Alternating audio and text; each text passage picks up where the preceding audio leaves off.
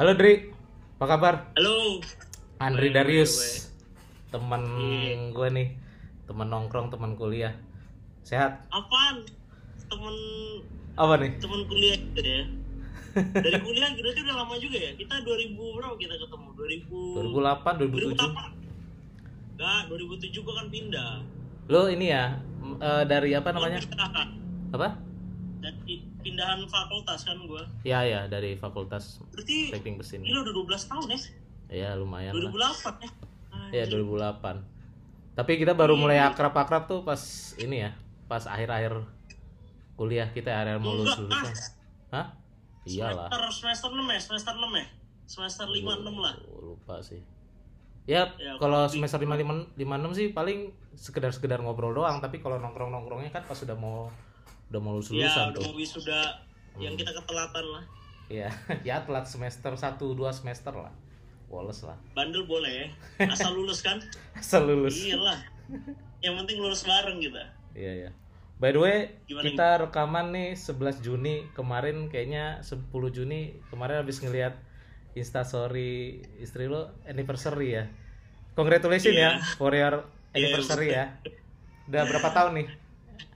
Yang bulan pertama Hah? Bulan pertama? enggak enggak enggak tahun ketiga tahun ketiga. Wah, ada tiga tahun ya. Mantep deh. Semoga iya. lancar-lancar Masa terus nggak ya. ingat? Apanya? Gue lupa Masa lu tahunnya. nggak ingat? 2000 2017. Eh. 2017 Lu ya? kebanyakan jokes sih lu. Enggak lah.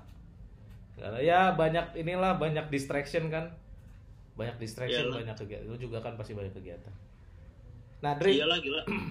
eh, ini kan ini adalah podcast pertama gue di masa pandemi nih untuk yang sama temen ngobrol. Rata-rata podcast gue tuh eh monolog karena su- agak Jadi agak susah so gampang kalau ngajak orang virtual call kayak gini. Karena gue oh, lebih sen- gue sebenarnya gua gampangan gitu berarti. Enggak, enggak dong. Enggak dong. Ada satu lagi temen gue kok yang yang gue ajak juga tapi gue duluin lu dulu. Karena eh, karena kalau gue samain temen gue lagi bahasannya rada-rada berat juga sih ngomongin blockchain apa gitu-gitu. Jadi gue Oh, ngobrol itu sama lu. Iya, ka- karena dia teman gue yang satu lagi yang mau gue ajak ini yang temen kedua gue nanti buat eh, virtual call itu eh, dia dulu pernah main Bitcoin, jadi gue mau ngomongin itu juga sama dia karena eh, pengalaman dia juga udah main Bitcoin.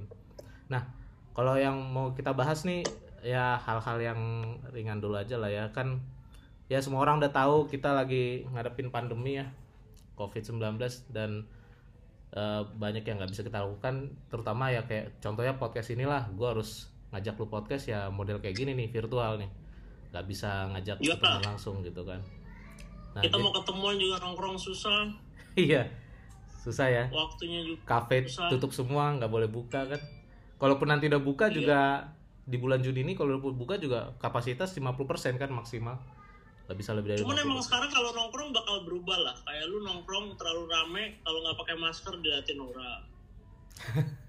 Iya, iya. Terus kayak kita crowded kalau lebih dari lima pemilik kafe atau kayak tempat kita nongkrong mau apa enggak istilahnya. Karena kan Hmm. harus ada pembatasan manusianya juga kan istilahnya yang lu bilang 50% itu. iya betul betul Banyak banyak hal yang berubah dari tahun 2020. iya benar benar Mm-mm. Nah, jadi kalau kalau misalkan nih dulu kan kita nongkrong bebas banget ya berjam-jam mau di Hmm. mana aja gampang sekarang susah kayak gini. Dan ini sebenarnya buat lu perlu nggak sih kayak gitu? Atau maksudnya bener-bener perlu menjaga kesehatan sampai begitu nggak sih? Atau sebenarnya kita nggak perlu sampai seketat itu untuk misalkan kafe atau apa? Maksudnya dalam hal menjaga kesehatan covid ini kan apakah memang harus dijaga seperti itu buat Sebenarnya kan budaya sosial kita kan terutamanya orang Indonesia kan terlalu kuat banget nih budaya sosial karena kan kita keberagaman menurut gue ya. Mhm. Nah, terus kita diajarkan untuk kayak namanya kalau sebutan di luar negeri itu kan kebanyakan namanya lockdown atau apa kan, tapi cuman Indonesia kita sebutnya pakai namanya pembatasan sosial. Iya. Berarti antara sebenarnya dibilang butuh nggak butuh, ya ke depannya memang itu akan terus berlanjut gitu loh. Maksudnya kayak banyak hal yang kayak berubah kayak dulu kita bisa nongkrong lama-lama istilahnya. Sekarang kayak lu harus mikirin kanan kiri lu. Terus kayak banyak kebiasaan yang baru contohnya kayak misalkan ada orang batuk atau ada orang yang cuman sendawa aja dikira batuk kita udah mulai mungkin parnoan gitu loh. Iya. iya serius kayak kayak kayak, kayak gue punya pengalaman juga kayak jadi banyak hal yang kayak sekarang jadi berubah gitu loh. Terus kayak pulang kalau tangan lu belum cuci even sebelum lu pulang pun lu beraktivitas di luar sana lu lihat banyak orang yang cuci tangan nggak cuman istilahnya nggak cuma sekedar kotor yang bener-bener kita harus menjaga kebersihan dan ya ya kayak nongkrong nongkrong gitu juga pasti akan berubah lah menurut gue sebenarnya kan nongkrong itu kan dibilang perlu nggak perlu cuman kan kita kan Hmm. kayak kayak ngabisin waktu tapi ngobrol sama teman atau kerabat itulah istilahnya gitu ya jadi karena memang lebih ke ini sih ya lebih ke menghargai orang sekitar juga ya. Kadang-kadang orang nggak nyaman Yes. kayak gitu. Maksudnya menghargai orang eh, lu jangan sembarangan lu jangan sembarangan suka-suka lu karena itu bisa ngerugiin banyak orang gitu ya. Ya intinya kita jadi nggak bisa egois karena kan kita harus mikirin sesama kita kan. Iya ya kalau kita masih pada egois kayak ngumpul-ngumpul dan nggak nggak mikirin orang lain ya otomatis kalau satu orang aja udah positif kenanya ngerembet kayak macem kayak binary tree itu semuanya kumpul semuanya jadi banyak banget kan ya gitu sih kira-kira memang. gitu Tapi ada temuan menarik loh, baru banget loh tanggal 8 Juni loh, dan ini pernyataan resmi dari WHO. Cuman bukannya bukannya bikin kita jadi nggak waspada ya. Cuman WHO sendiri yang menyatakan bahwa hasil penelitian mereka berapa bulan terakhir di Korea Selatan dan Singapura terutama, mereka yang kontak tracingnya ketat banget sama orang-orang OTG, orang tanpa gejala yang positif. Mereka telah menemukan bahwa hampir tidak ada penularan hampir tidak ada second transmission ke orang lain dari OTG ini yang positif COVID tapi OTG dan itu menurut gua apa ya eh kadang maksud gua gini loh gua agak lucu aja gitu sama WHO tapi juga di satu sisi ya berarti memang penyakit COVID ini buat yang OTG ya. Buat yang nggak demam buat yang nggak sesak nafas yang di, di tes itu positif tapi ternyata OTG tapi nggak ada gejala atau bahkan katanya mild mild symptomatic yang gejalanya ringan banget itu sama hampir nggak nggak pernah kena nularin ke orang lain gitu. Jadi kan lucu juga berarti yang kejadian di Italia itu gimana dong gitu ya. Dan menurut gua ya berarti memang eh, hal-hal yang nggak bisa kita kuasain ya misalkan hal-hal yang nggak bisa kita hindari ya kita udah pakai masker segala macam bersih tapi kita nggak sengaja bersentuhan sama yang OTG tapi eh, kita nggak tularan apa apa ya memang berarti penyakit itu tidak separah yang dipikirkan orang gitu loh. Buat memang. buat yang buat yang gejala ringan dan yang ini ya.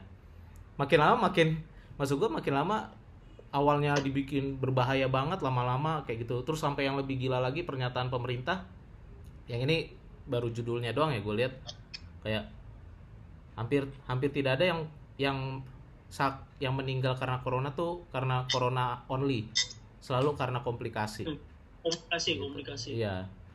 Itu mungkin yang membuat gua nggak tahu ya apakah itu yang mengefek efek kepada masyarakat yang kayaknya lagi rebel juga sih sekarang.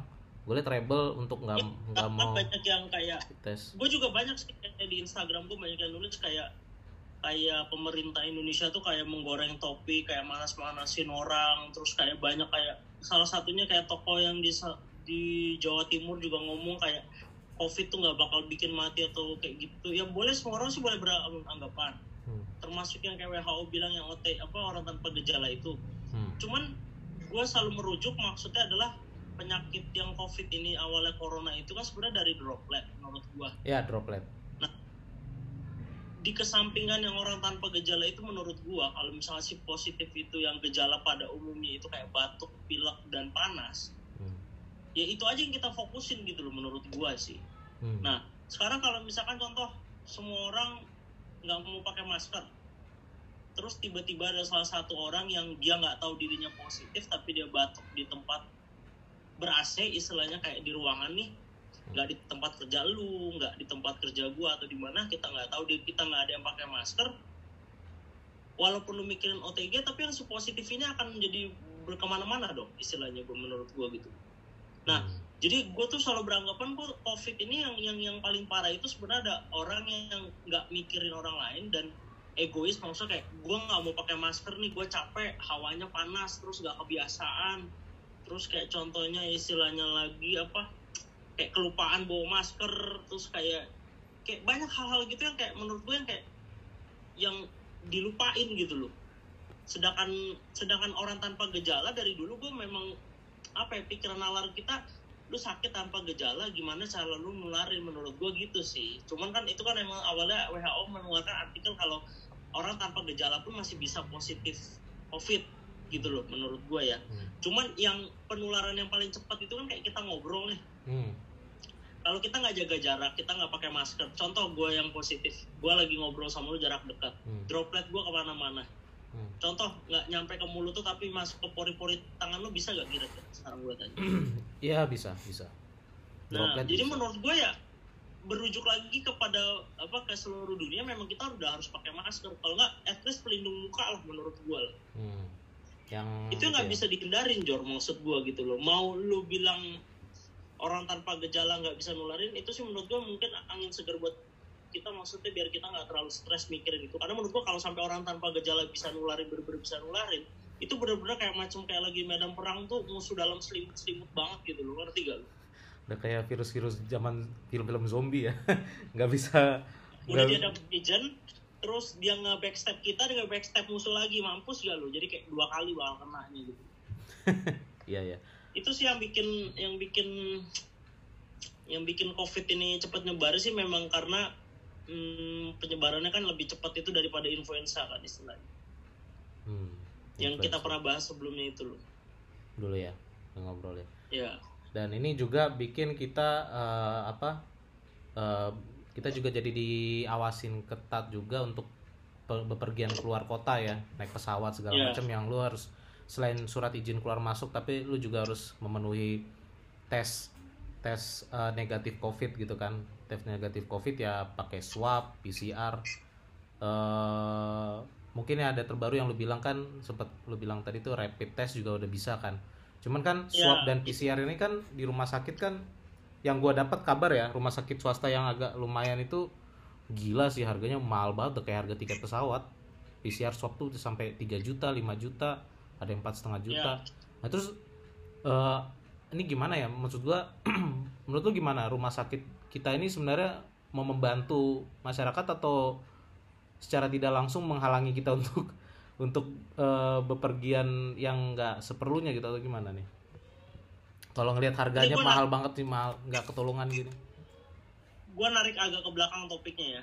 Waktu itu pernah gue singgung sama lu soal eh, sistem kesehatan di Indonesia terutama rumah sakit pada umumnya di Indonesia. Nah ya itu.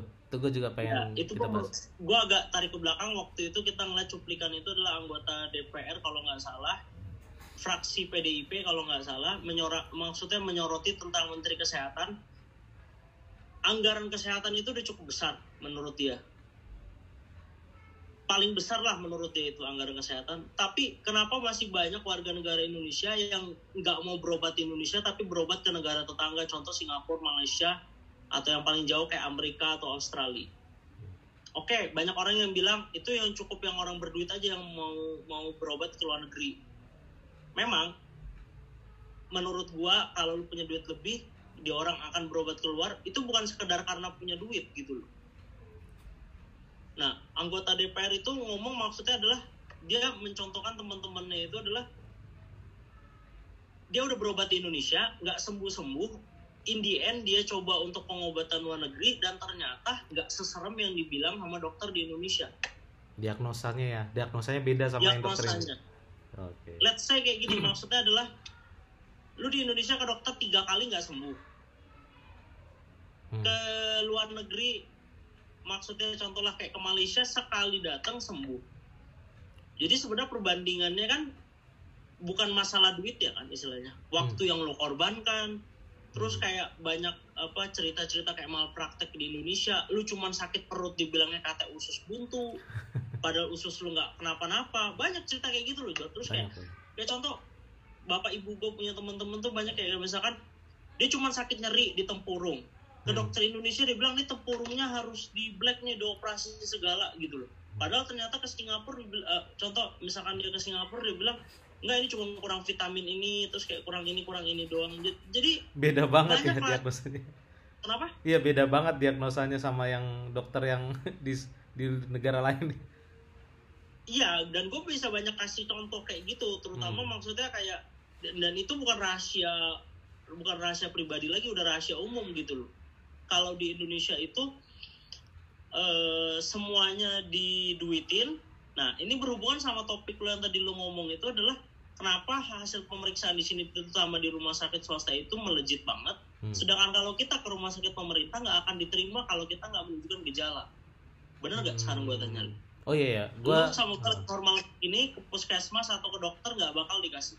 Iya. gue yakin. Kalau lu emang sehat-sehat aja ya. Ah, tadi gue gue suruh anak gue gue karyawan gue untuk ke puskesmas mau nanyain bisa gak untuk Hmm. rapid test dan harganya berapa? Dijawabin adalah nggak bisa pak. Kita harus dapat surat rujukan dari rumah sakit dulu kalau memang mau menjalani rapid test. Waduh. Nah, sedangkan kalau lu ke rumah sakit swasta siapa pun bisa Iya. untuk memeriksa asal lu punya duit dan Ah. jumlah nominal yang harus lu bayarkan. Iya. Ya kan? Harganya nggak main-main sebenarnya menurut ya kita balik lagi muluk-muluk sebenarnya kalau memang mau diurusnya sebenarnya ranahnya sih ke pemerintah. Kenapa ke pemerintah? Kita contoh kayak negara yang negara-negara maju kayak Korea Selatan atau Jepang yang udah agak maju. Kalau memang benar-benar mau berantas COVID ya lu harus tahu dulu sebenarnya yang positif ini jumlah case-nya berapa, yang benar-benar kena itu berapa, yang sehat itu mana ya harus dipisahin semua. Hmm, Ya tapi nggak kerjaan gampang kan? Iya. Sekarang gue tanya lu. Ya, kalau semua warga negara Indonesia lu rapid test atau lu swab test yang kita sebut yang lebih mahal lagi swab test itu, Iya. mau berapa triliun anggaran lagi untuk dianggarkan untuk ngetes begitu doang. Belum lagi kalau seandainya dikorupsi lagi. Iya, iya. Dan dugaan Ya, gue sih sebenarnya itu, markup sih. Dugaan gue sebenarnya markup. Jadi maksudnya oke alat tes ini mahal dan biayanya mahal, tapi gue rasa mungkin kayak klien gue yang ke rumah sakit yang swasta juga dan klien gue dan karyawannya ngetes sampai 5 juta empat setengah juta menurut gue seharusnya nggak se- sampai separah itu harganya gitu loh walaupun Cuma tes doang gitu. Jor. Apa ya, kayak kesehatan di Indonesia tuh macam kayak kita impor beras juga yang jadi masalahnya tuh berkesinambungan dan udah kayak ada mafianya loh menurut gua ya. Bukan di markup doang sebutannya. Jadi udah ada efek Contoh domino dari dari distribusi. Karena ini bukan karena ini bukan produksi dalam negeri gitu ya? Satu bukan produksi dalam negeri. Nggak semua rumah sakit punya fasilitas untuk untuk menampung swab test itu. Iya. kenapa swab test lebih lama? Karena mungkin dikirim-kirim lagi ke laboratorium yang bersertifikat. Hmm. nah itu yang mau dikejar sama presiden kan maksudnya kayak kita harus menambah tempat fasilitas menambah daya untuk swab test lebih banyak untuk kayak mem- apa memangkas biaya yang nggak perlu menurut yang kita bahas kayak contohnya alatnya impor atau apa eh, laboratoriumnya di- belum diperbanyak gitu loh Hmm. waktu awal-awal covid ini malah di daerah-daerah harus ngirim ke Jakarta dulu Oh iya. baru bisa tahu itu bolak-balik itu kan makan waktu juga buat tanya lu dan nggak makan biaya juga lah pastilah Iya. Iya. belum lagi yang kalau markup sih kurang pas ya menurut gua kalimatnya ya. Tapi gue lebih merasa kayak lebih ke mafia aja sih. Kalau markup itu kan ibaratnya kayak paling oknum dari rumah sakitnya tapi kalau udah mafia kan istilahnya kayak iya contohnya kayak masker gitu loh. Hmm. Penum, lu pen- bilang pedagangnya markup nggak mungkin. Kenapa? Karena kan dia sudah ngambil dari si si A si B nya udah harganya tinggi nggak mungkin dia jualnya harga normal menurut gua. Nah berarti kan ada mafianya kan yang menggerakkan itu semua menurut gua sih dari awal ya yang ngatur harganya ya. dan itu berlaku di semua negara sih menurut gua prinsip ekonomi lah Iya. lu lagi butuh apa itu harga lagi tinggi lu nggak butuh itu harganya akan rendah Iya, iya. iya. Nah contoh yang yang pengalaman gua yang bener-bener gua keselin adalah waktu awal covid ini ada Hmm. semua orang berbondong-bondong beli alkohol 96% atau yang 70% Oke. itu gua alamin kenapa karena kan komplek gua kan kayak masih baru dan kayak kantornya kayak kurang nanganin gitu Hmm. kita mau bikin box disinfektan itu rupanya bahan bakunya harus pakai alkohol 96% nanti baru dicairin lagi untuk jadi 70% harganya waktu itu kita beli itu per liternya itu kurang lebih 100 ribu Jo Yang jadi normalnya kita beli harusnya 5 liter apa yang normalnya biasanya harusnya berapa tuh? Satu liter. nah gue nggak tahu itu harga Hmm. normal berapa karena semuanya kan udah pada naik tuh harga Iya, toh iya, iya. Nah, 5 liter kita beli 450 ribu. Harus Nah. ternyata belum gue sempat gue pakai gue baru baca artikel lagi dari WHO atau dari dinas kesehatan gue lupa lah ya Hmm. rupanya alkohol itu nggak bagus disemprotin ke tubuh manusia karena Ah. bisa akan memicu sel kanker Oh. nah seketika habis lewat 2-3 minggu dari yang gue beli itu itu harga langsung ngedrop mendadak sampai sekarang ngedrop dan lu mau tau gak harganya sekarang tinggal berapa Berapa? Kayak seliter empat puluh ribu lima ribu setengah harganya sekarang gua tanya Gila, gila, gila. nah, makanya gue masih Spontan. bingung banget gitu maksudnya kayak bukan di mark up sih lebih kayak prinsip dagang gitu loh ekonomi menurut gua nggak ada rasa kemanusiaan ya menurut gua Iya, iya. Nggak ada peri kemanusiaan Nah, sih, emang. nggak ada empati. itu yang gue bilang agak nyebelin di mana-mana ya kayak gitulah sebutannya Mhm. Karena memang ini komoditas untuk kebutuhan hidup ya, untuk keselamatan orang. Kenapa lu pakaikan mekanisme semacam mafia gini gitu ya? Kecuali kalau lu jualan mobil apa jualan emas ya, ya orang emang tanpa beli mobil beli emas orang tetap bisa hidup dan bertahan hidup dan sehat gitu kan. Tapi ini kan gue sih terkait kesehatan. Ya. gue sih eh, lebih merujuk ke negara Korea Selatan sih dia tuh lebih cepetnya tangkapnya adalah dia menggelontorkan dananya untuk nges nge- istilahnya ngetes rata-rata seluruh warganya untuk tahu mana yang positif mana yang enggak jadi yang positif itu cepet diambilin cepet dikarantina bener-bener di di apa ya istilahnya Iya di dijaga karan- untuk- di karantina diawasin dipantau lah mereka. dia awasin bener-bener sampai biar nggak apa nggak menular ke lain gitu loh. Cuman bukan karena negaranya punya duit atau enggak, cuman kita memang harus melihat fasilitas kita mendukung apa enggak. Ya, Hmm. memang berhubungan sama dana juga. Sebenarnya dana sih isi- ibaratnya bisa dimurahkan, cuman yang gue lihat adalah cakupan Indonesia itu kan cukup luas. Iya. Masyarakat banyak banget. Hmm. Kalaupun sampai dilakukan kayak Korea Selatan, apakah petugasnya cukup atau enggaknya pun gue masih nggak tahu Hmm. gitu loh. Nah, kalau kasus kayak gini, Dri ya, menurut gua sebenarnya memang benar eh, kita nggak merata pembangunannya, eh, fasilitasnya nggak merata. Tetapi kalau kalau memang solusinya pakai solusi lu ya, dan kalau emang pemerintah tuh serius baik pusat maupun daerah, model kayak Jakarta ini tuh Jabodetabek nih harusnya bisa tes massal kayak gitu, bisa banget. Jabodetabek, Karena punya Jabodetabek menurut gue bisa karena APBD DKI 80 triliun. Pusat juga ada di Jakarta. Semua da- dana ada, fasilitas lengkap. Paling kan karena kan memang Covid ini kan awalnya memang ibarat kata kalau orang kasar-kasarnya orang ngomong ya, awal-awal Covid ini penyakit-penyakit orang kaya karena yang bepergian ke luar negeri gitu gitu kan, dapat Ya, virusnya kan. Kemungkinan untuk dibawa dari luarnya adalah orang yang suka berpergian traveling kan. dan itu kebanyakan di Jabodetabek orang-orangnya dan pasti fasilitas cepet. Dan itu harusnya Jakarta udah selesai beres gitu loh. Iya, itu awal-awal mungkin jor pemikiran lu. Cuman di belakangan adalah banyak TKI yang pulang. Hmm.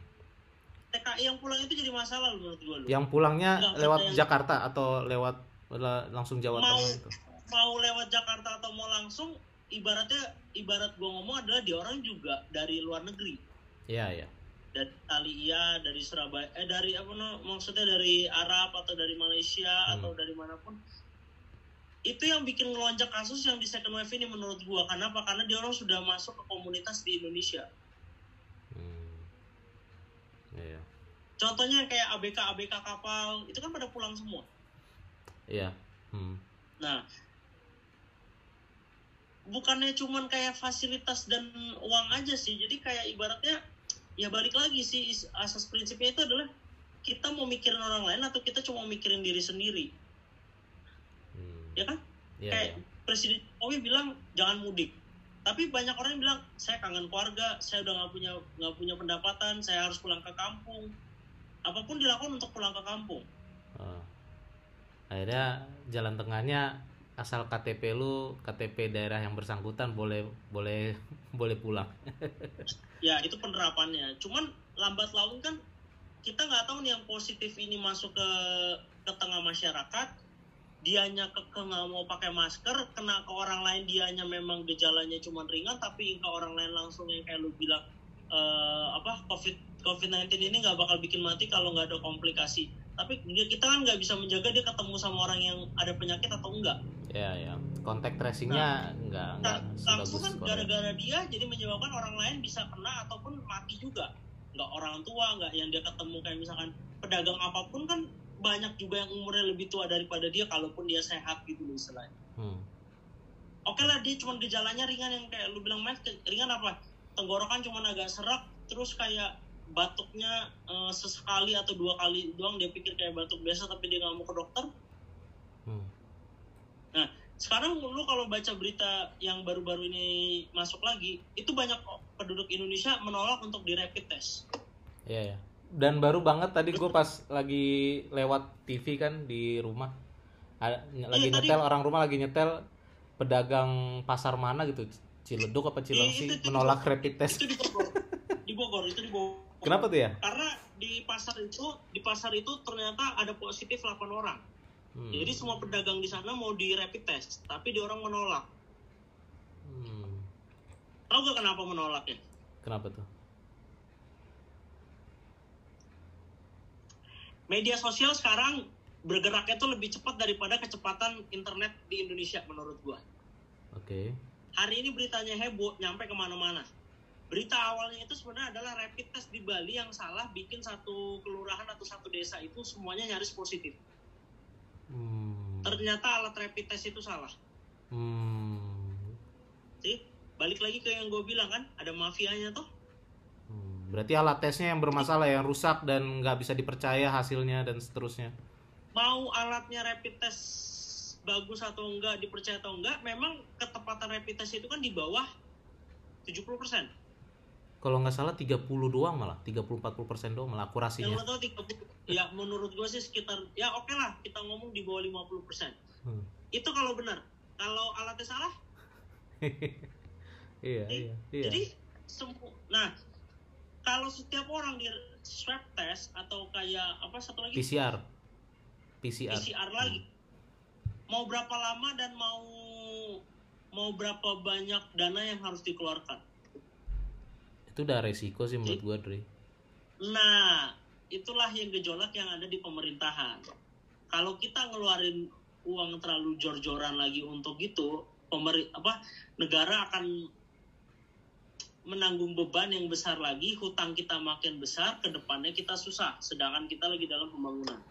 Kalau kita nggak mikirin masyarakat angka itu akan naik terus kayak sekarang. Hmm. dari kemarin eh, skor tertinggi 900 per orang. Naik 1000 naik 1200 nah gue Iya. nggak tahu lagi hari ini berapa nih itu angkanya kurvanya naik terus Jor. Iya. menurut gua kenapa naik menurut gua karena eh, yang lu bilang rapid test itu nilai apa keakurasiannya rendah Hmm. oke orang itu pas di rapid test ternyata negatif ternyata dia udah berapa bulan ternyata dia kena swab test lagi nunggu hasil swab test dia baru tahu itu dia positif selama berapa waktu itu kalau dia sudah nularin 10 sampai 15 orang kita ngomong lu kalikan aja berapa itu kalkulator juga nggak nampung menurut gua. Iya. Ya, Nah, jadi- hmm. Mau lu bilang swab testnya bagus atau enggak tapi waktunya kan juga lama kan Iya. minimal kalau nggak salah swab test memakan waktu empat hari atau tiga hari sekarang Iya ya, Baru lima, lima hari, kalau PCR tujuh hari gitu, seminggu. ya taruhlah kita ngomong empat hari kerja lah paling cepat Hmm. nah selama empat hari itu apakah ya dia harus dikarantina atau dia bebas berkeliaran Ya seharusnya sih kalau mau disiplin ya dia harusnya di ditahan dulu aja di rumah sampai hasilnya Nah, keluar nah. baru boleh keluar lagi. Tapi kan kenyataannya nggak ada yang ngawasin, nggak ada yang ngawasin orang-orang yang dites ini gitu kan. ya Eh, Cuma dites doang habis itu udah. berlomba Gitu. penyakit kayak gini sih menurut gua kita berlomba sama waktu sih kayak Korea Selatan berlomba sama waktu mau nggak mau dia menciptakan eh, sebuah tes yang keluar dalam waktu 7 menit dengan tingkat akurasi lebih bagus daripada rapid test Hmm. kita kenapa banyak rapid test adalah karena awal mulanya penyakit ini dari Cina eh, di negara Cina banyak produsen yang ngeluarin rapid test yang antara bagus dan enggak banyak negara yang membutuhkan dia sudah memproduksi massal mau nggak mau kirim ke negara yang mau aja. Kita nggak bisa salahin juga. Nah balik lagi ke ujung-ujungnya ke mafia. Awal mulai penyakit ini aja temen gue udah banyak yang jualin alat rapid test itu Jor. dari harganya paling pertama itu 700 ri- 750 ribu sekali ngetes rapid test sampai sekarang udah ngedrop ngedrop ngedrop ngedrop ngedrop ngedrop ngedrop sampai yang gua tahu yang paling termurah itu 250.000 ribu per satu kali ngetes. Ya, Jadi sebenarnya alat rapid test alat rapid test itu 250.000 ribu atau emang aslinya 750.000 ribu sekarang gua tanya lu atau di bawah 250.000 ribu sebenarnya. ya, ya yang pasti Ya.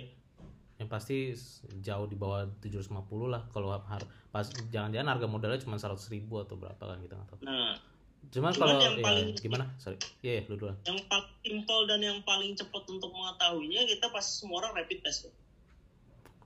Iya. kayak polemik gitu loh kayak misalkan lo perusahaan lo udah mau mulai running tapi lo harus mengikuti protokol kesehatan lo harus ngetesin semua karyawan lo Hmm. kayak tadi lagi. gue nonton video conference sama lo tau pendeta Janto Singko Putra gak Enggak. Pendeta gereja mana? Eh, dia pendeta GBI juga dia Hmm. juga dokter di Siloam Siloam Kebun Jeruk Oke. dia ngomong idealnya adalah semua karyawan di kantor Hmm. itu harus di rapid test dulu dan rapid test itu cuman berlakunya tujuh hari it means kalau seorang pemilik perusahaan kalau dia mau ngikutin gitu dia nge-rapid test seluruh karyawannya cuman batas seminggu berarti sebulan dia harus nge-rapid test berapa kali Empat kali. semua karyawan minimal empat kali eh maksimal empat kali lah kita ngomong minimal tiga kali toh Hmm. Iya. perusahaan harus menanggung biaya itu hanya untuk memastikan kalau karyawannya nggak ada yang positif. Kenapa? Kalau sampai ada satu yang positif aja, habis itu perusahaan. Gila sih. Nggak kebayang sih. Itu harus dijalanin sama semua perusahaan, mau kecil mau besar. Karena itu Ya makanya parah banget Ke depan itu-. Ke depannya yang kita ngomong new normal itu nggak bisa dielakkan lah. Maksudnya kayak banyak hal yang akan baru terjadi gitu. Iya, gue sih belum mendenger ya kalau kayak saudara gue yang kerja kantoran prosedurnya kayak apa nanti. Eh, Ya, belum. ah, dan paling juga mereka belum ada tes segala macam paling cuman di kayaknya belum ada deh.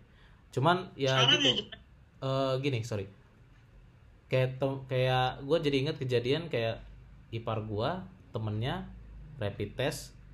Waktu itu pas masih PSBB ya rapid test terus negat eh, positif. Stres dong dia stres nggak bisa kerja segala macem. Eh pas habis itu di di tes lagi hasilnya tuh negatif pakai swab swab test gitu. Dia kesel banget. Temannya ipar gue ini kesel teman kerja ipar gue kesel banget. Gedek banget karena dia udah udah sampai stres duluan gitu ini emang Ya, ya, bermasalah nih rapid test alat rapid test ini mending gak usah- jadi kalau menurut gua kalau kita mau ngambil logika ya pembelaannya pembelaannya orang-orang yang nolak di rapid test ya bukan yang orang-orang yang nolak di swab test ya. Ya pembelanya mungkin Hmm. itu kali ya. Gue nanti cuman gara-gara gara-gara gue berdahak gara-gara gue batuk terus langsung rapid testnya langsung ngejudge hasilnya langsung ngejudge itu negatif padahal eh positif. Padahal sebenarnya gue nggak kena covid pas kalau di tes PCR atau swab gitu kan nah itu mungkin yang jadi pembelaan orang-orang ini gitu ya dan ini jadi nggak ya. nggak ada yang bisa nggak ada yang bisa dibenarin dan nggak ada yang bisa disalahin juga gitu ini benar-benar Ya, memang. kacau situasi kayak gini sih kalau kita dilema juga sih. Hmm. Kalau itu sampai men- menimpa kita berdua juga pasti kita juga pasti dilema lah. Hmm, hmm, hmm. Antara kesel, gondok, dan jengkel kan istilahnya. iya dan apalagi itu bisa bikin Hmm. dan itu bikin bisa bikin imun kita jadi turun kita Iya. stres itu yang dari yang yang kita kacau sebenarnya negatif jadi benar bisa jadi positif beneran juga bisa Iya, makanya jadi eh daripada kita di tes sama yang nggak bel- yang nggak jelas, mendingan gue langsung minta yang yang bagus kan. Tapi kan ini jadi kembali lagi ke level masyarakat masing-masing kan, level ekonomi, level budget setiap daerah gitu. Dan gue lihat juga memang taruh lagi nih anggaran covid khusus covid buat kesehatan berapa triliun gitu gue lupa 20 triliun 25 triliun gitu yang gue inget dari yang paketnya 400-500 triliun dari pemerintah. Nah itu ini kan kembali lagi ke kembali lagi ke mana ya? Ke ke pot, ke kompetensi dari Kemenkes dan jajaran-jajarannya gitu loh. Mereka bisa nggak mengatur mengelola mengelola dana ini untuk misalkan yang pen- yang benar-benar prioritas kayak selain rumah sakit ya juga alat tes ini gitu loh. Gimana caranya biar mereka eh, swab dan PCR gitu jadi rapid mulai dikurangin dan segala macam entah itu dari 20 triliun itu ya misalkan kerjasama lagi dengan swasta atau apa kan Jadi kan di sini benar-benar diuji banget gitu. Eksekutif benar-benar diuji banget eh, kompetensi dan kreativitas mereka menga- mengalami situasi masalah kayak gini kan yang rumit. Ya cuman ini memang nggak pernah nggak akan ada habisnya sih Dri soal ngomong ini karena apalagi juga kan banyak juga yang bilang eh, ini adalah kayak beberapa temuan juga yang bawa bilang ini sebenarnya eh, COVID-19 ini virusnya belum dimurnikan lah. Jadi makanya sering bersalahan hasil hasil hasil hasil tesnya tes laboratoriumnya dan segala macam itu itu itu polemik di ini ya polemik di luar negeri loh kayak di di mana di Amerika segala macam yang orang-orang dokter-dokter semua yang ngomong. Jadi kan makanya akhirnya kita ya udahlah gitu jangan jangan sampai stres terus ya udah kita oke lah kita hormati protokol kesehatan kita jalanin. Masker masker pun juga kita harus kita harus juga antisipasi juga kan. Masker jangan sampai masker kita kotor juga kan. Bisa payah juga kita harus sering cuci masker kita juga dan sering cuci tangan. Sebenarnya masker itu polemik sih. ya polemik juga sebenarnya. Maksudnya eh, kita diperbolehkan untuk pakai masker kain dengan persyaratan harus tiap hari dicuci, terus let's say eh, diganti berapa bulan, apa berapa minggu harus diganti juga kan? hmm. Sebenarnya tuh masker yang bener-bener yang harus dipakai itu kalau nggak yang N95 itu yang harganya selangit, ya yang surgical mas yang yang yang apa apa tuh surgical mask itu loh surgical mask surgical mask yang yang biasa yang standar yang warna hijau itu biasa Ya, tapi itu Oh. pun cuma bisa dipakai 4 jam. ya 4 jam 5 jam ya Nah, gitu. tapi yang paling benar itu memang itu. Menurut Hmm. gua. Gue jadi inget Nah. lagi nih tahun lalu ya waktu zaman-zaman pandemi belum ada nih. Itu masker N95 yang merek 3M gitu-gitu. Itu harganya tuh satu biji tuh 17.000 ribu apa 20.000 ribu gitu satu biji 17 ribu. Sekarang lu tahu berapa? nggak tahu gue Gila. Harganya sih dan itu juga kan kita kalau gua- kalau kita bukan kalau kita bukan tenaga kesehatan juga kan kita dimaki-maki orang kan kalau beli itu Ya, dan gue di jalan juga banyak ketemu kayak gitu sih. Dan menurut gue itu banyak orang yang egoisnya juga gitu gitu loh. Lu jalan-jalan pakai N95, orang lain pakai masker kain atau masker yang lain-lain, iya orang lain yang kena penyakitnya lu yang nggak bakal nggak jadi egois juga menurut gue gitu loh. Sedangkan banyak juga tenaga medis yang belum pakai masker itu karena keterbatasan lah, nggak ada dana lah atau apa kayak istilahnya satu dan dua hal yang lainnya gitu. hmm, hmm. Cuman gue lebih ke pro untuk Indonesia sih lebih lebih mentingin untuk nyelamatin ekonomi sih. Ya ya mau nggak mau. Dibandingin melontorkan maksudnya memfokuskan semua perhatian dan seluruh dana untuk ngurusin covid ya menurut gue Hmm, karena selama dua bulan atau tiga bulan kemarin ini masyarakat udah diedukasi lah sama pemerintah. Soal protokol kesehatan soal sadarnya namanya untuk awareness about covid dan sekarang sih lebih kayak terserah masyarakatnya mau mau ke mana. Maksudnya mau ke mana itu lu mau ikutin cara pemerintah kah? Atau lu mau cara lu sendiri kah? Atau lu mau cara nyeleneh? Kayak kemarin sampai kemarin sampai Kapolri bikin perkap itu adalah karena apa? Banyakan warga yang berbondong-bondong untuk menarik paksa jenazah PDP atau yang sudah positif COVID. Dengar gak kemarin? Ah, ada ada selentingan. Kayak di Jadi, Makassar ya? Di Makassar mana Iya, pokoknya di luar Jakarta banyak kayak Ah. gitu dan itu bisa merebak ke mana-mana, Jo. Hmm, Ya, jadi balik lagi ke masyarakat lah sebenarnya menurut sorry gua. sorry Kayak itu lu udah waktu itu narik paksa jenazah itu ka- karena masalahnya apa tuh waktu itu kalau yang lu masalahnya adalah kalau sampai seseorang sudah dinyatakan PDP Hmm, dan dia meninggal, hmm, itu nggak boleh dimakamkan secara normalnya. oh, New normalnya adalah kalau sudah PDP atau sudah positif, nggak nyampe 6 jam itu sudah harus dikubur. ah, iya. dan dan dengan dengan Teknik kemas ah, pun dengan dikemas secara khusus juga kan ya ya terutama di apa eh, sahabat kita yang beragama Islam itu kan kalau s- parabat atau keluarga atau siapa pun yang meninggal dengan agama Islam harus dimandikan dulu Hmm, dan itu tuh nggak ada di, pro- protokol covid di protokol untuk Eh, jenazah pasien covid. jenazah apa PDP dan yang positif. Hmm, itu yang jadi kendala sih menurut gua. Jadi polemiknya adalah ya ya gue bilang sih nalar gua adalah balik lagi lu mau egois bener-bener egoisin atau memang lu mentingin orang-orang lain gitu loh. Hmm. sekarang kita ngomong kayak gini deh. Ini orang udah dijudge PDP udah di rumah sakit terus meninggal toh. Hmm. terus masyarakat mau ngambil jenazah ini mau dimandikan mau dimakamkan secara biasa nggak mau melalui uh, protokol covid Hmm. bener nggak Hmm. Ya. Nah, kalau kita ngomong jahatnya adalah ya kalau nanti sampai kena yang ambil-ngambil itu kan jadi kena jadi positif juga bisa nggak kemungkinan besar untuk kenanya Ya bisa. Ada kemungkinan Nah. ada. ada. tapi kalau kita mikir sudut petugas yang ngurusin jenazah itu Hmm. dia akan berpikir ah berkurang nih kerjaan gue satu bener nggak gue tanya kalau Oh maksudnya jadi harusnya dia yang ngurus jenazahnya jadi keluarganya sendiri yang ngurus jenazah. ah sih bener Ah. nggak Ah, dia orang oke. udah kecapean Iya dia iya. orang harus berhadapan juga dengan masyarakat yang maksa untuk ngambil jenazah ini Hmm.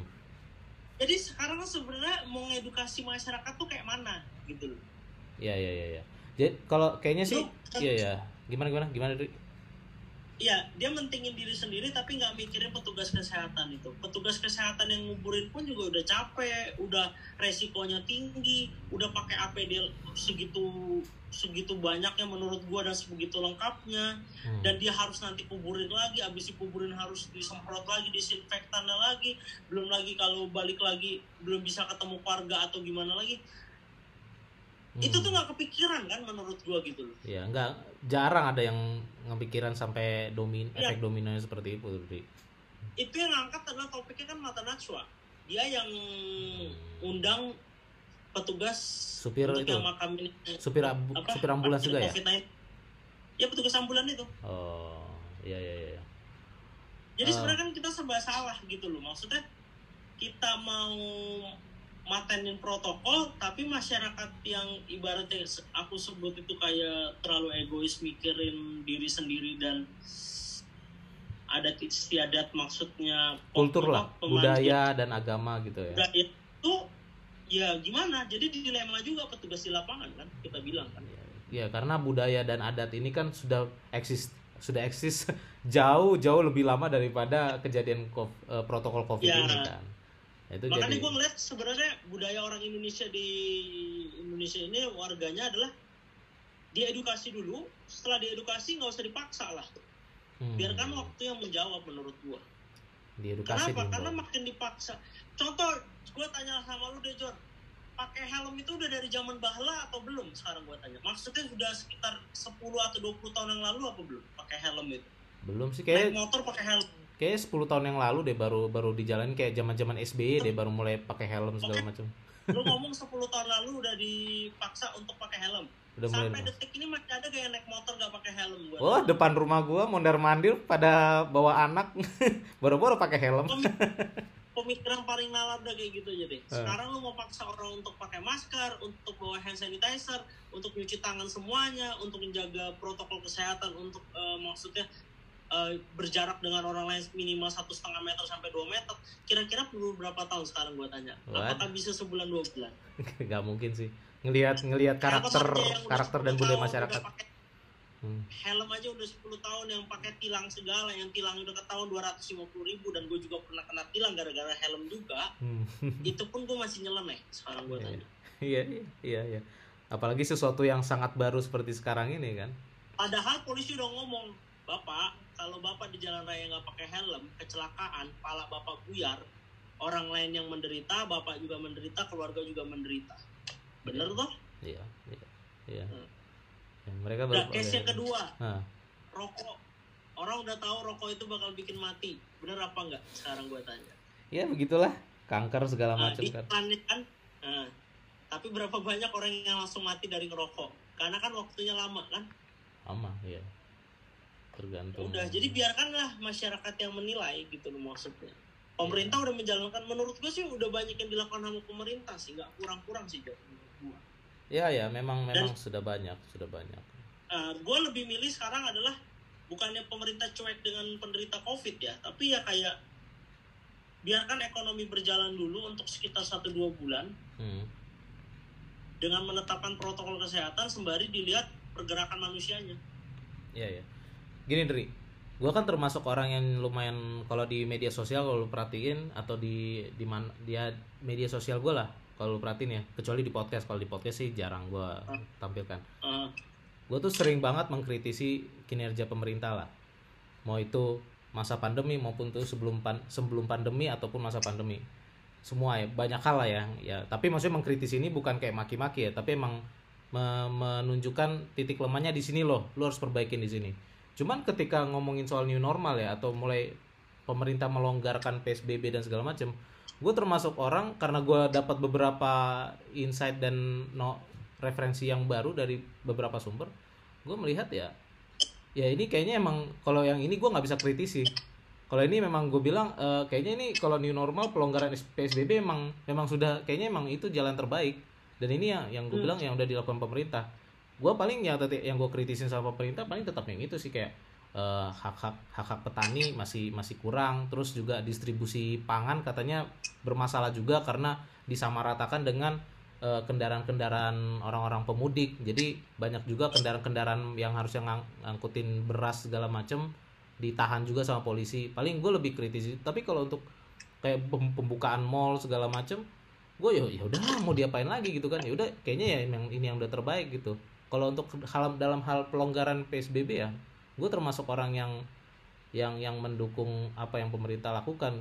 Karena kan banyak banget yang protes besar soal pelonggaran ini. Gak boleh gak boleh. Loh lu kayak ini deh yang ta- eh, yang gue jadi inget podcastnya Dedi yang dia wawancara Jul- Juliari Batubara Menteri Sosial. Dia Juliari bilang gitu kalian kalian protes-protes orang nggak boleh di rumah kalian mikirin nggak orang-orang yang tinggal di tam yang model kayak di Tambora yang tidur aja ganti-gantian gitu loh. Per 4, 4 jam 5 jam ganti-gantian saking sempitnya tuh rumah dan nggak ada yang bisa bantu mereka ketika di masa pandemi gini. Ya orang kalau yang kayak gini-gini sih gue masih masih bisa maklumi lah mereka harus ke- keliaran di jalan ya. Tapi ya setidaknya mereka tetap harus menghargai masyarakat yang lain ketika keluar dari rumah. Cuma kan kita harus mikirin orang-orang seperti itu. Nggak semuanya orang senyaman kita lah punya rumah agak luas eh, punya su- punya supply yang cukup gitu kan. Banyak orang-orang seperti itu yang rumahnya satu petak isinya 10 orang. Ya gimana nasib mereka di masa pandemi ini gitu kan? Mereka belum tentu dapat bantuan BLT dari pemerintah juga. Distribusinya bisa bisa aja nggak nyampe ke mereka juga kan? Kita nggak tahu.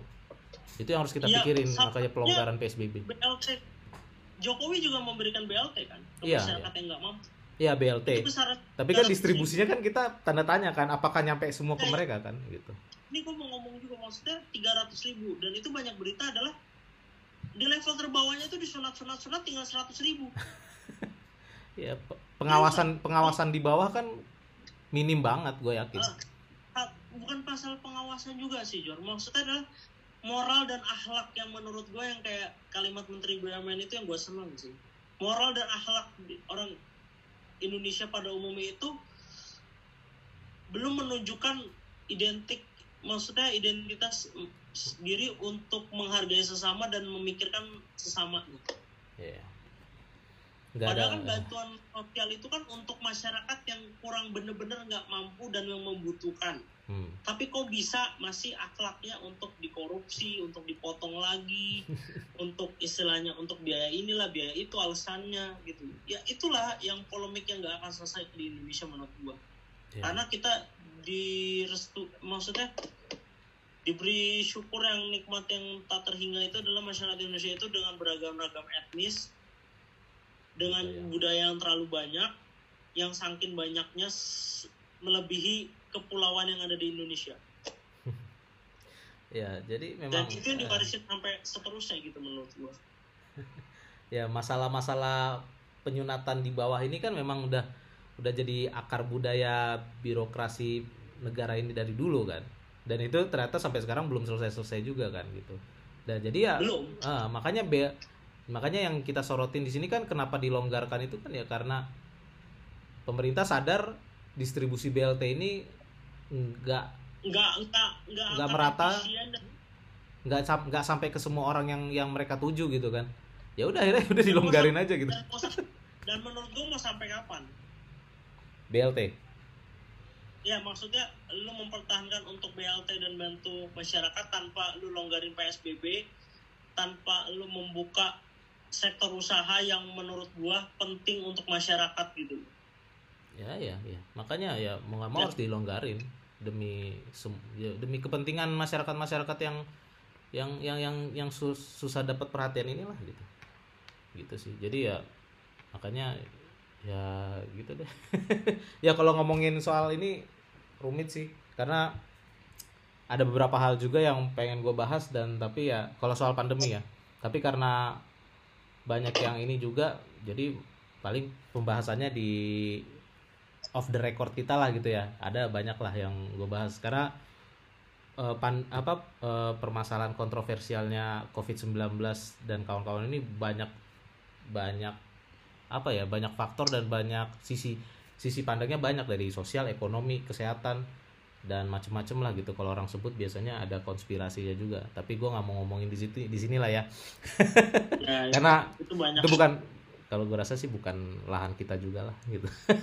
Tapi ya paling yang bisa kita sorotin kan kejadian-kejadian yang ada di sekitar kita lah kayak masalah rumah sakit masalah masyarakat ada yang melawan ada yang membela dan seterusnya kan. Ya itulah bagian dari demokrasi. Itulah risikonya berdemokrasi ya. Cuman ya yang lu sorotin lagi tadi kan ya kayak ya di mana kalau lu korupsi di masa-masa normal ya udahlah gitu ya kita udah sama-sama tahu lah. Tetapi ketika dia orang masih masih ada pejabat-pejabat atau eh, entahlah gue bilang gue bilang birokrat aja lah birokrat birokrat yang harusnya bertanggung jawab untuk mendistribusikan ini eh, meng- mengor- mengkoordinasi ini dengan kurir-kurir yang sudah yang mereka kerjasama kayak kurir-kurir pos kurir gojek grab gitu eh, untuk mendistribusikan BLT ini. Dan data-datanya se- disesuaikan data-data warga-warga yang membutuhkan disesuaikan tapi ternyata dipotong-potong juga sama mereka sama orang-orang yang tapi harusnya gue bertanggung jawab ini. Kalimat lu ya?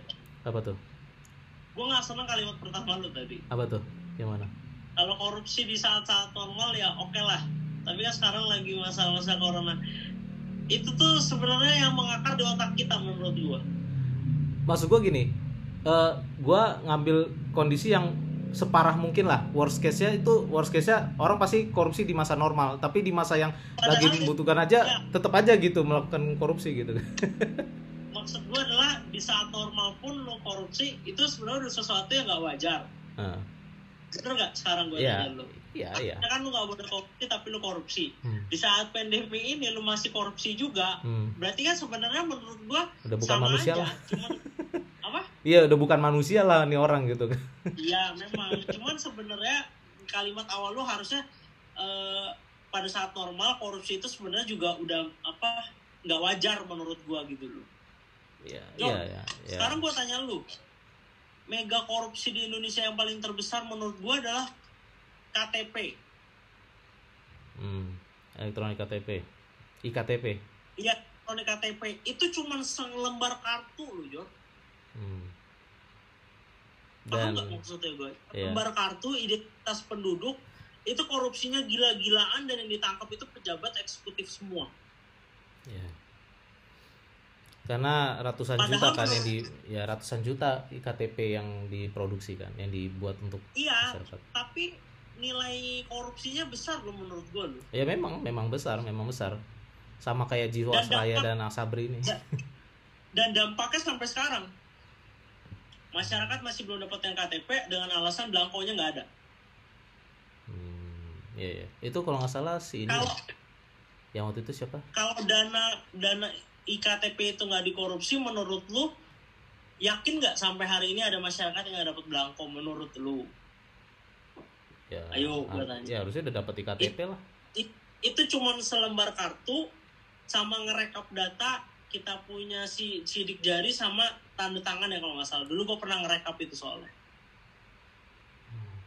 tapi itu gue gue gue gue lupa sih kejadiannya tapi yang dikorupsin itu datanya atau pengadaan apanya sih? Pengadaannya pengadaan iktp semuanya Jor karena pengadaan iktp itu kan dia udah elektronik. Iya di ya dalam itu kita terdapat data-data pribadi kita itu salah satunya sidik jari kita. Iya hmm. sidik jari kita dia kan masukin ke satu alat untuk nyimpen database kita. Makanya sekarang di polisi inavis itu cepet untuk mengakses contoh sidik jari gua ada di salah satu mayat atau contoh maksudnya ada mayat yang nggak bisa diidentifikasi tapi ada sidik jarinya itu di inavis langsung dapat ketahuan itu siapa namanya kalau dia memang sudah melakukan rekap iktp Hmm, iya iya iya. Menurut gua niatnya baik ya Iya baik, tapi Gitu. kalau yang disalahgunakan sama oknum ya itu bisa fatal kejadiannya. Misalkan, Nah, gua tadi gue juga nggak tahu vendornya siapa tuh, vendor luar negeri apa dalam negeri itu yang ngelola iktp Bukan. kita. yang yang yang gua yang gua lihat adalah itu penting buat penduduk kaya pun dikorupsi gitu. Loh. dan lahannya menurut gua cukup basah banget gitu. Nggak tanggung tanggung semuanya kan kena. Iya, karena korupsi di Indonesia itu udah dari segala sendi sih, dari segala Ya, sendi, dari segala yang- berbagai yang level. merujuk. Makanya makanya pengalaman gua terakhir adalah gua kena tilang dan gua nggak mau berdamai sama polisi gua merelakan untuk gua ditilang. Tapi ujung-ujungnya gua harus ada di kejaksaan selama dua jam. Oke, terus gua bayar tangan gua ke negara hmm, gua berdiri dua jam untuk ngantri untuk ngambil kejaksaan tanpa calo. Hmm, dua jam. Dan itu Nah, dipersulit kah atau gua- cuman lama aja, sekedar lama aja atau dipersulit? enggak emang emang ngantri lama Oh iya. dia buka jam 8 gua Hmm. ngantri dari jam 7 gua dapat STNK nya jam 9 Hmm, oke. Nah, jadi menurut gua adalah sebenarnya kalau Indonesia nggak mau ada korupsi ya harus dibanyakin mindset adalah lebih baik kita capek dikit tapi berguna buat orang lain daripada kita yang enak tapi orang lain yang susah itu yang ngeri Oke, setuju. paham nggak maksudnya gua Iya. Kalau gua jahat gua egois gua nggak mau kena tilang gua kasih tuh polisi sejumlah uang Iya, taruh di buku itunya. yang ngerugiin adalah orang lain. Kenapa gue bilang ngerugiin orang lain? Si polisi ini tadinya dari yang lulus dari sekolah sekolah polisi negara yang benar-benar berpikiran lurus gara-gara ada sejumlah oknum yang menawarkan uang haram Hmm. itu jadi bikin akhlaknya jadi hancur. Betul gak menurut? Iya. Iya, kalau memang Nah. polisinya nggak ada niat untuk nawarin ya. Yang minta minta kita Hmm. Kalaupun ada pengadilan. ditawarin kalau kita memang berkekeh memang udah tahu kita salah, kita rela ditilang, Hmm. polisinya pun juga akan mikir-mikir gitu loh karena kan sebenarnya polisi punya hak diskresi juga Ya, iya. Tapi eh, nggak ada juga kejadian dan ini kayaknya banyak ya kejadian kayak gini kalau soal ya banyak banyak banyak Kalau banyak soal- soal- tapi soal- yang yang yang gue mau kasih tau lu adalah kalau nggak dimulai dari diri kita sendiri Hmm. kapan akan nggak berubah negara ini menurut gua ya, ya, if you wanna change It- the it- world you have to change itu sering yourself banget first. ditanya sama teman-teman gua jadi lu punya koneksi polisi banyak kok lu nggak pernah nelpon lu nggak pernah minta bantuan? Oh, buat apa kita nelpon kita minta bantuan kalau kita sudah salah dan kita nelpon orang lain? Kita yang salah kita yang mempertanggungjawabkan. Itu menurut gua pribadi. Iya betul dan betul itu betul. yang sering gua lakukan gitu loh. Iya betul. Karena kita punya koneksi Gua polisi juga- banyak bukan berarti kita manfaatin mereka untuk kepentingan pribadi kan. gue juga nggak muluk-muluk gue juga pernah nyogok polisi. Tapi setelah nyogok gue merasa bersalah. Merasa bersalahnya apa gue kayaknya kasih kebanyakan. Nanti dia mentalnya jadi hancur nih. Bener gak sekarang gue tanya lu? Tapi gue mau terima beres. Ya itu egoisnya manusia lagi. Ya, ya. nggak memikirkan orang lain. Contoh kita tadinya kasih 10 rupiah sebenarnya udah cukup. Hmm. gara-gara kita kasih 20 rupiah dia akan ngomong 10 rupiah nggak cukup karena gue pernah dapat 20 rupiah. Hmm. Ya, manusia nggak itu pernah. yang gua gua gua selalu pengen ngomong ke teman-teman gua termasuk lu juga kan gua bilang kalau lu ada salah gak perlu cari koneksi. Ya lu tanggung jawabin aja perbuatan lu. Minta maaf mohon maaf pak. Saya salah ngomong baik-baik. Udah selesai kok sebenarnya. Tinggal lu pilih mau lu tilang atau lu minta minta eh, kebijaksanaan polisi itu. Tapi nanti kalau kebijaksanaan polisi nanti minta damai, Dri. balik lagi ke akhlak manusianya kan? Ya, ya, ya. Kalau si pengendaranya punya akhlak si polisinya punya akhlak udahlah dek tilang aja Eh, ngantri dikit nggak apa-apa yang penting kita sama-sama enak sebenarnya Hmm. Kalau nggak salah itu ya, kalau kalau surat tilang itu yang dibilang lu tapi lu harus pinter-pinter juga jangan ambil warna apa ya warna biru apa warna merah soalnya karena takutnya yang yang ada di lapangan sekarang surat tilang itu udah nggak ada yang warna merah sebenarnya Oh. kebanyakan polisi yang ada di wilayah hukum Polda Metro Jaya itu memberikan surat tilang warna biru Oh.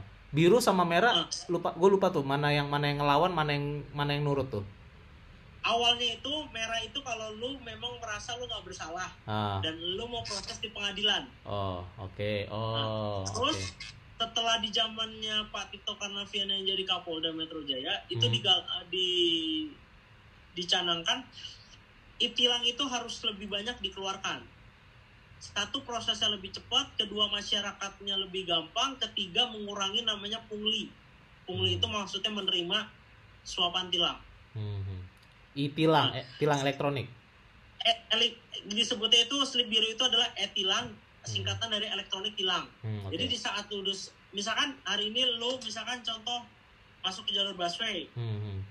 Lu ketemu polisi, polisi memberhentikan lu, lu mau apa polisinya mau menilang lu, dia akan memberikan lu slip biru, gitu. Hmm, hmm, oke. Nah, seketika pun itu itu bisa dicek di HP maupun di website kalau tilang lu sudah ada tercatat di di e-tilangnya. Hmm, oke.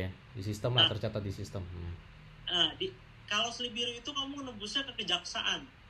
Hmm. Kejaksaan Jakarta Utara, Jakarta Pusat, Jakarta Barat, Jakarta Timur, Hmm, Jakarta Selatan. Oke. Kejaksaan ya, bukan pengadilan biasa ya. Oke. Bukan. Kalau slip merah di pengadilan kenapa? Kamu masih bisa nego, bukan nego maksudnya eh, Mem- membela hak, membela hak. Membela hak maksudnya saya nggak salah, saya begini, saya begini. Ah iya iya. Hmm. Tapi tapi prosedurnya terlalu lama, makanya yang sekarang yang ada itu sudah dihilangkan. Oke oke, fair enough. Satu antriannya terlalu panjang, biayanya terlalu besar. Ketiga efeknya nggak ada kenapa? Karena banyak yang pakai calo. Hmm. Nah, dipindah ke yang slip biru ini yang gua rasakan adalah satu pasal kalau pasalnya bukan yang berat contohnya bukan busway kayak gua kemarin itu nggak bawa SIM itu per pasal itu dikenakan 100.000 ribu Pasal kena seratus ribu. contoh Oke. misalkan kayak gua kemarin ngelanggar rambu-rambu jadi eh, bahu jalan gua pakai buat jalan itu Hmm. kena satu pasal pas diminta SIM gua nggak bisa mengeluarkan SIM gua kena dua pasal. Jadi kemarin itu gue di kejaksaan nebus itu adalah 201 ribu. Satu ribu itu adalah biaya di kejaksaannya. Oh, oke. Oh gitu. Jadi udah udah ini ya di di per ya di persederha, disederhanakan lah ya. Jadi slip biru ya untuk tilang elektronik ya. Jadi cuman ngantri, ambil nomor antrian, lihat berapa pasal, bayar, langsung diambil barang bukti. Kalau di pengadilan dulu yang gue tahu itu tiga proses, ngantri dulu, Hmm, nunggu di pers- eh, itu kan pertama ngantri, ambil Hmm. nomor antrian. hmm, Terus kedua itu nunggu persidangan, ketemu hakim segala itu. hmm. nanti ketiga baru eh, suruh ngambil barang bukti sama bayar til- besaran tilangnya jadi tiga kali ngantri hmm. nah kalau di kejaksaan itu cuma kamu eh, cuma ngambil nomor antrian sudah itu ngantri doang untuk ngambil barang bukti sekaligus bayar Oh, oke oke oke. Itu oh Nah, dari cuman- dari Tito dari Polda Metro ya, pas masih Kapolda ya. ya yang gua tahu itu kenapa karena waktu Pak Tito jadi Kapolda itu banyak orang yang bingung antara slip merah slip biru dan banyak juga masih polisi yang bukannya nggak mau kasih slip biru itu belangkonya belum banyak memang gitu loh Hmm. jadi kan dulu sempat ada yang bilang jangan minta slip merah minta Iya, slip iya. biru nah, Iya iya iya. dan sekarang pun kebanyakan slip biru yang dikeluarkan kenapa karena slip merah sudah ditinggalkan Oke oke oke. Berarti udah Tuh, termasuk udah solve satu dua problem lah ya untuk masalah tilang. ya itu menurut gua eh, sudah kemajuan sih tinggal masyarakatnya mau milih yang mana kan sebenarnya Iya. Iya iya. lu mau repot-repot ke kejaksaan atau lu memang mau menyogok petugas yang ada di lapangan Hmm. balik lagi ke akhlak lah Iya iya. kayak gua kemarin sebenarnya kalau gua nyogok oknumnya di bawah 200 ribu mungkin diterima tapi kalau gua ngantri gua bayar dua pasal sih balik ke Hmm. akhlak gak Akhlak akhlak. Bukan Nah. masalah untung rugi uang itu tapi lebih ke ya moral dan etika. paling besar Apa? busway kalau nggak salah dua setengah Dua ratus lima puluh ribu. atau 250 ribu Oh udah turun ya? Dulu 500 kan kalau salah. denda maksimal Oh denda maksimal 500. Nah, jadi bedanya itu slip biru itu adalah kalau lu nggak mau kejaksaan, lu bayar denda maksimal di BRI, lu langsung dapet STNK atau SIM kamu. Hmm. Oh, denda maksimal. Kalau kalau di kejaksaan berarti 500 ribu dong kalau bayar di Nah. kejaksaan. Kalau di nggak denda maksimal busway itu kan 500 ribu kan. Iya, ha. Contoh lu melanggar busway, Hmm. lu ditilang biru, tapi lu mau cepet-cepet ambil STNK atau SIM yang ditahan. Hmm. Oh, Lu bayar di BRI, Hmm. lu kasih slipnya ke polisi polisi keluarin barang bukti lu Oke. nah sisa duitnya itu kalau lu mau ambil bisa lu proses ke kejaksaan dengan membawa bukti pembayaran yang sudah lu bayar ke BRI itu 500 ribu itu Oh. Oh, kalau itu kalau mau cepet Nanti. ya. Kalau mau cepet baru Ya, nambah ya memang, baru. memang gitu timnya denda maksimal itu adalah eh, lu benar-benar memang mak- maksudnya mau membayar denda maksimal tapi masyarakat kadang lupa denda maksimal itu rupanya masih bisa diambil di kejaksaan selisihnya selisihnya. karena kan kalau di kejaksaan itu kan dua minggu misalkan contoh lu misalkan ditilang hari Rebo lu akan kenanya tuh Jumat dua minggu lagi Waduh. Jadi pengen cep kalau pengen cepat ya udah bayar denda maksimal gitu. Kalau mau lebih cepat Iya. daripada dari- lebih cepat daripada dua minggu gitu ya. Kesimpulannya begitu cuman kan balik lagi man- kita tuh masih manusianya mau ngikutin sistem yang ada mengikuti akhlak yang ada atau memang mau egois yang kayak tadi gue bilang kan Hmm. Tapi memang pada dasarnya Dan- sih eh, masalah tertib lalu lintas ini kan karena memang di di sekolah aja kita nggak pernah diajarin gimana cara berkendara yang benar, bertertib yang benar, pejalan kaki, pe- naik motor atau naik mobil. Jadi memang jadi Itulah liar lah di jalanan. Ya itulah cerminan masyarakat budaya di Indonesia Hmm. Nah, menyangkut tentang yang COVID tadi sama menurut gua. Banyak orang yang beranggapan gini, banyak orang yang kayak gini, yang kayak gini, kayak gini. Ya udah sekarang mau ikutin yang mana? Pemerintah udah bikin sistemnya nih protokol kesehatan begini. Lu naik pesawat harus pakai rapid test. Terus eh, tadinya kan kapasitas cuma 50%, sekarang dirubah jadi 70%. Apa udah 100% nggak tahu deh. Setahu gua 70%. Pesawat. Nggak pesawat maupun bus, setahu gua jadi 70 nggak jadi 50. Atau 100% nggak tahu deh Nah. Oke. tinggal masyarakatnya mau ngikutin protokol yang mana sama aja sebenarnya jujur Ya ya. Kalau kalau protokolnya itu bukan bukan jadi PP atau ya PP lah ya, bukan UU lah ya, masa UU. Kalau nggak jadi PP ya nggak akan nggak akan bisa ditindak masyarakat. Itu aja sih. kalaupun udah jadi PP ataupun UU kalau masyarakatnya juga memang dasarnya memang nggak mau ngikutin sama aja kok Jor menurut gua Iya. Itu kan balik lagi ke kesadaran diri masing-masing kan menurut Betul betul.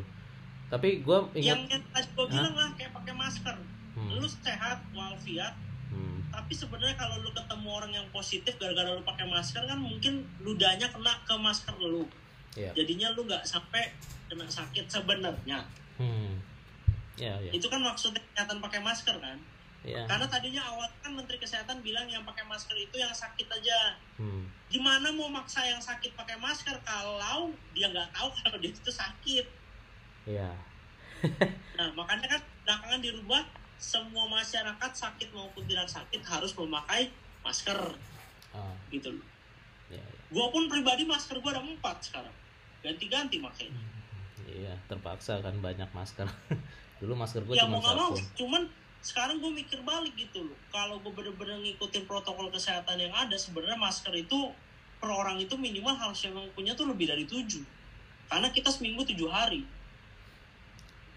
Kalau keluar rumah terus ya. Kalau kalau beraktivitas keluar rumah, nggak beraktivitas nggak beraktivitas di luar rumah kan di kantor juga tetap pasti ketemu banyak orang sih Jo, menurut gue. Iya, maksud gua kalau kalau keluar rumah, kalau keluar berarti kan ke kantor kan Iya, iya, keluarga. iya, iya. Heeh. Iya, Ya, tapi kalau lu di ngadep di rumah terus kan ya, ya paling lu pakainya pas keluar aja kan gitu. iya. iya. Ya, jadi kalau kayak gua kan juga lebih banyakan di rumah lah gitu. Paling juga kalau gue hitung-hitung, kalau gue hitung-hitung statistik gue sendiri ya paling gue seminggu sekali atau dua minggu sekali keluar rumah. Keluar rumah yang benar-benar jauh ya, apa ya jauh gitu. Paling ke ke depan rumah kayak ke minimarket aja juga Gua- jarang. nggak tahu ya feeling gua nggak tahu bener apa enggak mungkin ini bisa jadi catatan buat kita semua ke depannya kita akan banyak peraturan baru dan ada kan akan banyak kebiasaan baru yang kita nggak pernah kita pikirkan sebelumnya Ya betul. Tapi sebenarnya kalau gue pribadi sih gue ini ini untuk gue pribadi ya. Gue sih nggak mau terlalu ketat banget sih.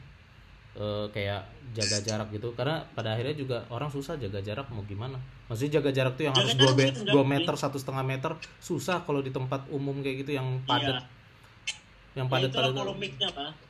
Kayak kita itu juga susah misalkan kok lu naik busway nggak mungkin jarakin lu 2 meter. Lu udah jarakin 2 meter tiba-tiba ada orang yang tiba-tiba jalan lain-lain nabrak lu mau gimana sekarang gue tanya Iya makanya. Udah, Itu kan yang Kayak terjadi kekacauan di komuter lain sama Transjakarta. iya gue lagi jalan di mana? Gue udah jaga jarak sama dia. Gue lagi mau bayar tiba-tiba dia nabrak gue di belakang. Gue mau ngomong apa sekarang? Masa gue mau pukul dia? Gara-gara Iya, dia nabrak gue Ya, iya. Jadi maksud gua kayak gitu lah It- banyak nanti banyak hal yang akan berubah dan pola pikir kita akan banyak yang berubah sih. Dan itu yang sebenarnya gua nggak kurang suka sih. yang kasihannya adalah generasi kita yang masih kecil-kecil itu Udah ketemu yang begini ya. akan merasakan apa? Udah ketemu yang begini nggak pernah merasakan indahnya hidup kita sebelum pandemi ya. ya nggak akan merasakan apa yang kita sudah pernah lalui sebelum ada pandemi ini gitu loh istilahnya ya mudah-mudahan sih cuman kayaknya ke depannya sih akan berubah banyak sih Jo. karena kan masyarakat udah ngerti soal tentang kebersihan dan kesehatan